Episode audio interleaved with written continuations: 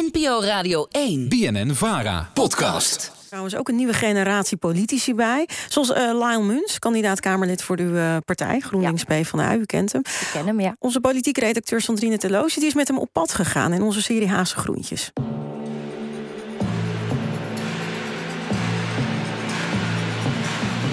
Haagse Groentjes. We staan hier eigenlijk voor het uh, Centraal Station Amsterdam. Ja. En uh, ik ben opgegroeid in België. En ja. om een, uh, ik ging dan als jonge jongen in een klein dorp woonde ik. En ik wilde heel graag ook mijn eigen seksualiteit en identiteit ontdekken. Ik ben homo. En dan kwam ik altijd als kleine jongen in Amsterdam.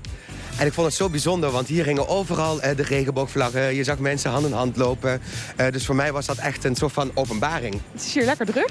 En we gaan die kant op, geloof ja, ik, hè? klopt, inderdaad. Okay. Lyle Muns staat op plek 37 op de lijst van GroenLinks PvdA. En daarna vertelde ik al dat ik opgroeide wat een kleine dorp. En op een gegeven moment kwam ik ook uit de kast tegen mijn ouders. Vertelde ik homo was.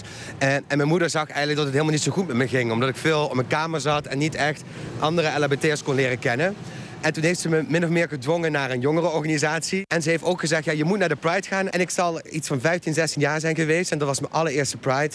En ja, kun je je voorstellen dat je um, je misschien zelfs wel een stuk van je middelbare school geschaamd hebt. Of mensen hebben homo naar je gescholden. En dan op een gegeven moment sta je op die boot. En er zijn gewoon honderden duizenden mensen super gelukkig. Ze juichen je toe. Ze vinden het zo stoer.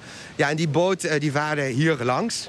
Uh, ja, voor mij was dat een hele openbaring. Ik vond het zo uh, ongelooflijk mooi. We lopen door de Amsterdamse Spuistraat op weg naar een plek die veel voor Lyle betekent. Het uh, Homo-monument, uh, daar lopen we nu naartoe. Dat is eigenlijk een plek die gemaakt is om de slachtoffers... die LHBT'ers waren van de Tweede Wereldoorlog te herinneren. Want het is aan de gracht, toch? Ja, klopt. Bij het uh, Westerkerk, in het Anne Frankhuis. Oh, ja. Spuistraat is ook een plek waar vroeger heel veel LHBT-horeca was... Um, en dat is steeds minder geworden.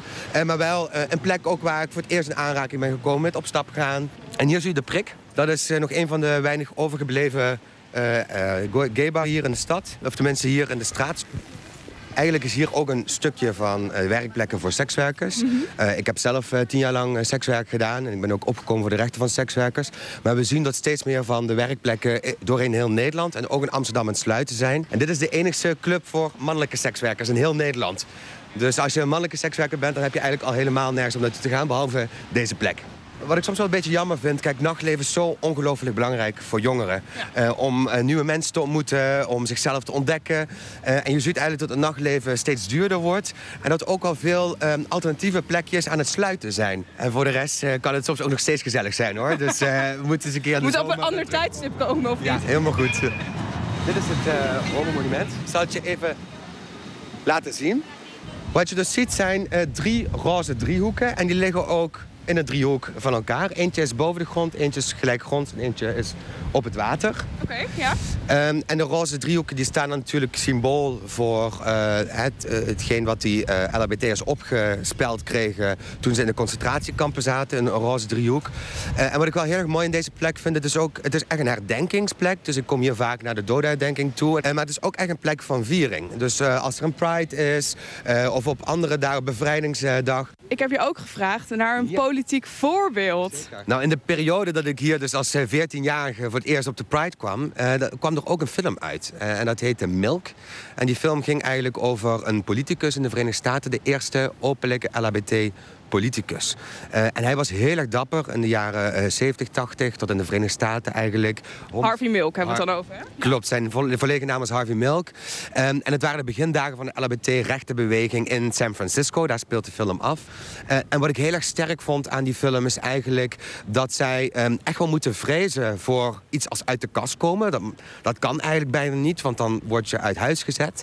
En op een gegeven moment, je hebt ook een fragment in die film dat hij het publiek aanspreekt en zegt van ja jongens, ze zijn nu staan ze op het punt om te gaan stemmen tegen onze rechten. En als wij nu niet gaan vertellen wie wij zijn, ja, dan kunnen we het helemaal vergeten. We're to convince the 90% to give a shit about us 10%. We have to let them know who we are. We tell all of them to come out. Every gay lawyer, teacher, doctor, dog catcher. We have to leave the ghetto.